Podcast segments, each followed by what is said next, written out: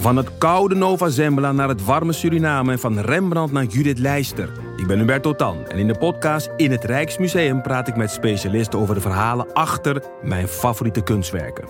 Nieuwsgierig? Beluister nu de nieuwe afleveringen. Luister jij al naar de podcast Co en Zo? Ik ben Rick Paul van Mulligen. Ik ben Nina de Lacroix. En samen met jouw man René voeden wij twee kinderen op in twee huizen.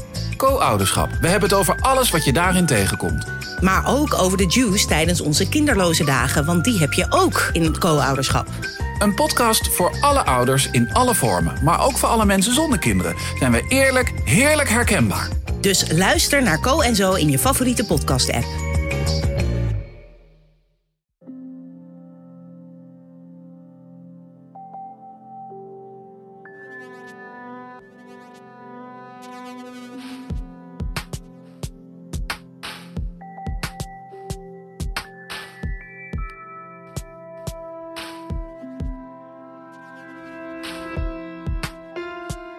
Hey, ik ben Pieter van Relaas.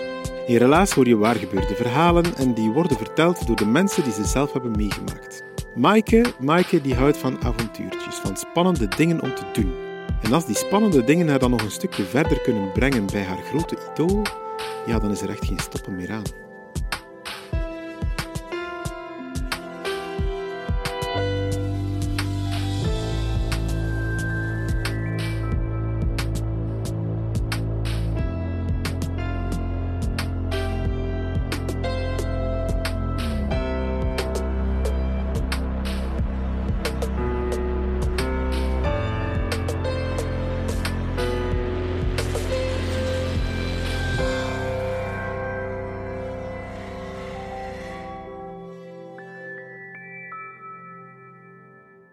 Het is vrijdagavond en ik ben gekleed in mijn mooiste galakleed en ik ben op weg naar het station.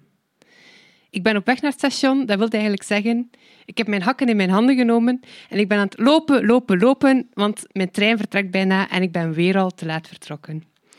En als ik dan eindelijk puffend die trappen van het perron opkom, dan staat daar Han op mij te wachten. Han is een goede vriend van mij, iemand die ik al een jaar of tien ken, waarmee ik ooit samen op kot heb gezeten. Hij kent mij dus goed. Hij kijkt een keer opgelucht van, ze is daar, amai. En wij springen samen in de trein. De deuren gaan zo net achter ons toe. En dan kijkt hij naar mij en hij vraagt, gaan we het nu doen? Zeg je er klaar voor? Ik ben compleet buiten adem. Ik heb een knalrode kop. Dus ik zeg, ja, wacht, hè, wacht. Hè. En ehm, mijn ervaring van te laat naar de trein te vertrekken, heeft mij al geleerd dat je best een flesje deo meeneemt. Dus dat had ik mee. Ik heb me even opgefrist. Ik heb een paar keer goed diep in en uitgeademd. En dan voelde ik dat ik zo nog een bepaalde gniffel in mij had. Ehm, en dat moest weg. Dus ik heb mij even zo een rare frons gemaakt met mijn gezicht. Daar alle spanning in gelegd, losgelaten. En voilà, daar was mijn pokerface. Dus ik kijk naar Anne. Ik zeg ja, het is goed. Ik ben er klaar voor. En wat dan we daarna gaan doen, dat is iets dat we eigenlijk een tweetal weken daarvoor op café hebben besproken. Het was namelijk zo dat toen daar op café Han afkwam van Amai, ik heb iets superwijs. Um, ik ben uitgenodigd voor een verrassingsvrijgezellenfeest van mijn collega Jasper. En Jasper, die ging trouwen met Nico van de VRT. En omdat dat verrassingsvrijgezellenfeest dan ja, dus Han was daarvoor uitgenodigd. Hij zag de gastenlijst en daar stonden zowel wat BV's op. En Han was die BV's daar aan het opnoemen. Dat zegt mij niet zoveel. Allee, ik was blij voor hem, maar bon. Tot op een bepaald moment dat hij zegt... Ah, en trouwens, Christophe Lambrecht, die gaat er draaien. En dan was ik... Oh, wow, wow, wow, wow. Christophe Lambrecht. Voor wie hem niet kent, Christophe Lambrecht, dat was een radiopresentator op Studio Brussel. En ik ben een Studio Brussel kindje. Bij ons thuis, de radio die stond altijd op. Dat was het eerste dat mijn papa s ochtends vroeg deed, de radio opzetten. Dus Christophe Lambrecht, dat was een beetje de stem van mijn jeugd. Als ik zat te spelen, dan was dat met zijn stem op de achtergrond. En dan later, als ik meer naar muziek begon te luisteren, dan heb ik ook wel wat de muzieksmaak van Christophe Lambrecht meegepikt. En nog later, als ik dan in de file naar Antwerpen stond of zo en ik luisterde naar de radio en het was echt een lange file, dan was dat ook vanaf negen uur met Christophe Lambrecht bij mij in de auto. Dus het idee dat Christophe Lambrecht daar ging draaien op een mega exclusief feestje, ik was daar wel een beetje jaloers op. En Han had dat opgepikt en die zegt, ja, maar weet je wat? Eigenlijk mag ik wel iemand meenemen als ik wil. Dus heb jij geen goesting om mee te gaan? Ja, ja, tuurlijk, tuurlijk, ja. En dan hebben we daar de rest van de avond nog een beetje verder over gebabbeld. En een van de dingen die we dan besproken hebben is... Um, ja, als je single bent en je neemt iemand mee op een feestje met je collega's, dan komt zo heel snel de vraag van ah, en is dat je niet lief? En nee, ja, eigenlijk jammer alleen dat je niet gewoon een vriendin chill kunt meepakken naar zo'n feestje of zo. Uh, dat we dan uh, besproken en dan op een bepaald moment zei Han ook zo van ja, um, wat dan nog wel echt ferm zou zijn, is dat je gewoon een Tinder-date meeneemt naar zo'n feest. En waar dat dan die vraag komt, dat je dan gewoon zegt, nee, nee, dat is mijn Tinder-date. Voilà.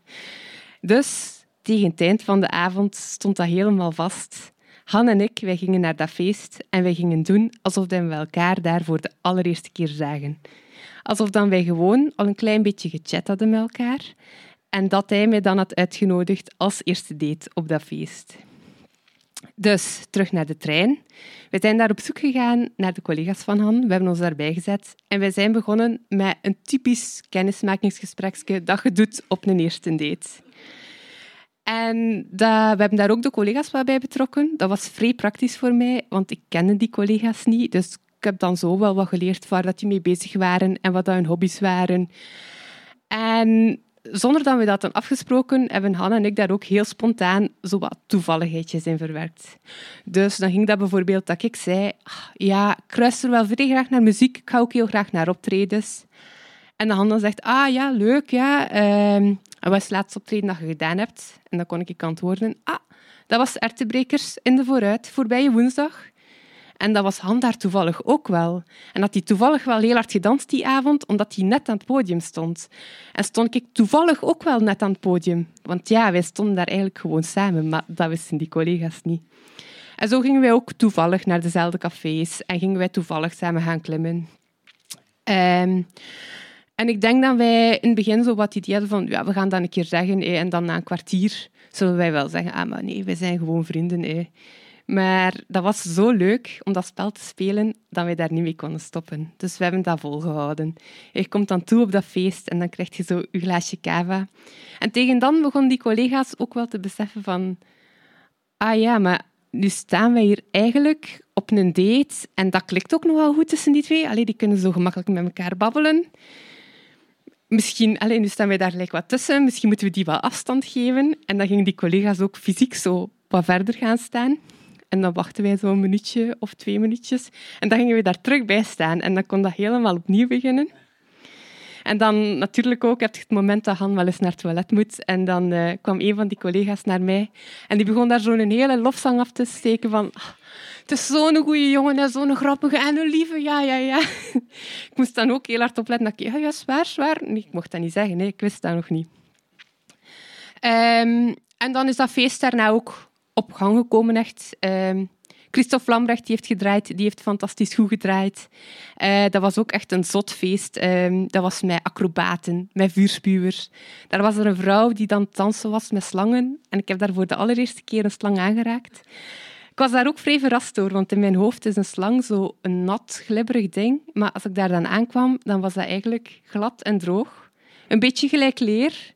Ik had dat misschien kunnen weten. Ik heb dat toen die avond geleerd. En dan, na Christophe Lambrecht, zijn er ook nog andere DJ's geweest die gedraaid hebben. Het is niet hetzelfde, maar het was ook wel echt vrij. En dan, op een bepaald moment van al dat dansen, begon het wel warm te worden. En dan zijn Han en ik buiten gaan staan. Even wat frisse lucht gaan uh, happen. En ik stond met mijn rug naar de deur en Hans stond tegenover mij. We waren aan het babbelen. En op een bepaald moment gaat die deur open. En wie komt daar buiten? Ah, Christophe Lambrecht die passeert daar vlak aan ons. Ik had dat natuurlijk niet gezien, maar Han had dat wel gezien. Dus die heeft nog geroepen, hé hey, Christophe, salut. Hè. En dan heeft Christophe, wat op de radio een zeer aimabele man was, en in het was hij dat ook, heeft hij ons nog heel vriendelijk een goede nacht gewenst. En daarna is hij vertrokken naar huis. En een paar uur later hebben we hetzelfde gedaan. Bij ons was dat een taxi, de collega's hadden dat geregeld, en dan zaten wij in de taxi naar Gent. Naar huis. En um, dat was zo'n moment dat de collega's ehm, aan het bedisselen waren van wat is nu de meest efficiënte manier om iedereen thuis afgezet te krijgen? Uh, en waar woont jij en waar woont jij? Hoe gaan we dat organiseren? Dus dan komt ook de vraag aan Maaike, en waar woont jij?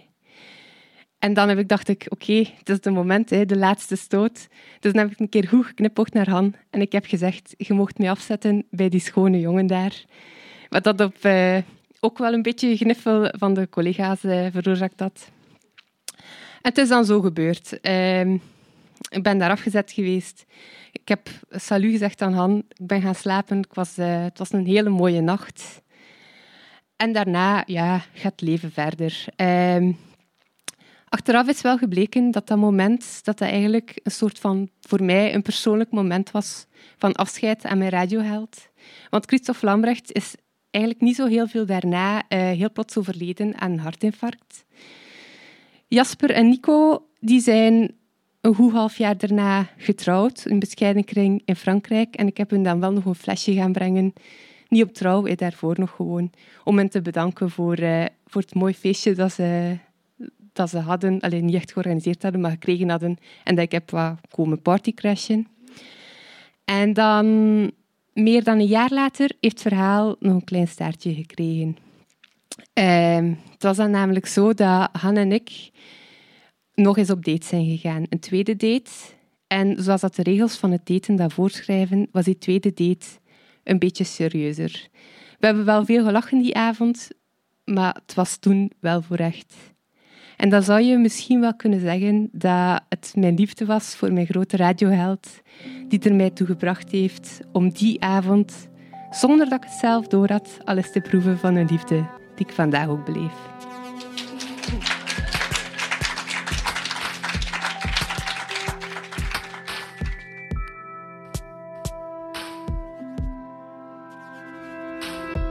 Dat was het relaas van Maaike.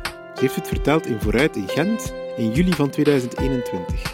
Ik herinner mij nog, het weer was niet optimaal. We hebben ons dus binnen in Vooruit gezet. Het was oorspronkelijk niet het plan, we moesten eigenlijk op terras zitten. Maar wat, binnen in Vooruit, in het café. Het was een zondagmorgen, ideaal voor een kopje warme koffie of thee en vier geweldige verhalen. En dat van Maaike, dat zat er ook tussen. Maaike is trouwens ook een van onze medewerkers bij Relaas. Zij verzorgt de montage van de wekelijkse podcast, dus zij knipt en zij plakt mijn stem en ze hangt er dan het verhaal aan. Dus Maaike, als je dit beluistert terwijl je aan het monteren bent, laat dan even jouw aanwezigheid horen door een maf geluidje te plaatsen elke keer wanneer ik het woord pistolet heb uitgesproken. Pistolet. Verse pistolet. Voilà, daar is het. We zijn rond voor deze podcast. Ik bedank nog onze subsidiënten de afdeling Cultuur van de Vlaamse Gemeenschap en die van de stad Gent. Wij partneren met Huset, met Lucht, Urgent, Pulp Deluxe en Chase. Maar we willen vooral jullie bedanken, onze luisteraars.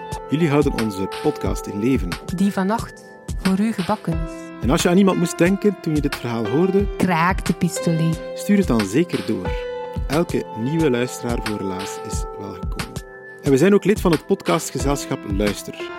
Luister verkruimelde pistolet. Dat is een club van verhalende podcasts. Dus als je er niet genoeg van kan krijgen, van Relaas bijvoorbeeld, dan kan je op Luister met een y, dus luister.be, nog heel wat andere verhalende podcasts terugvinden.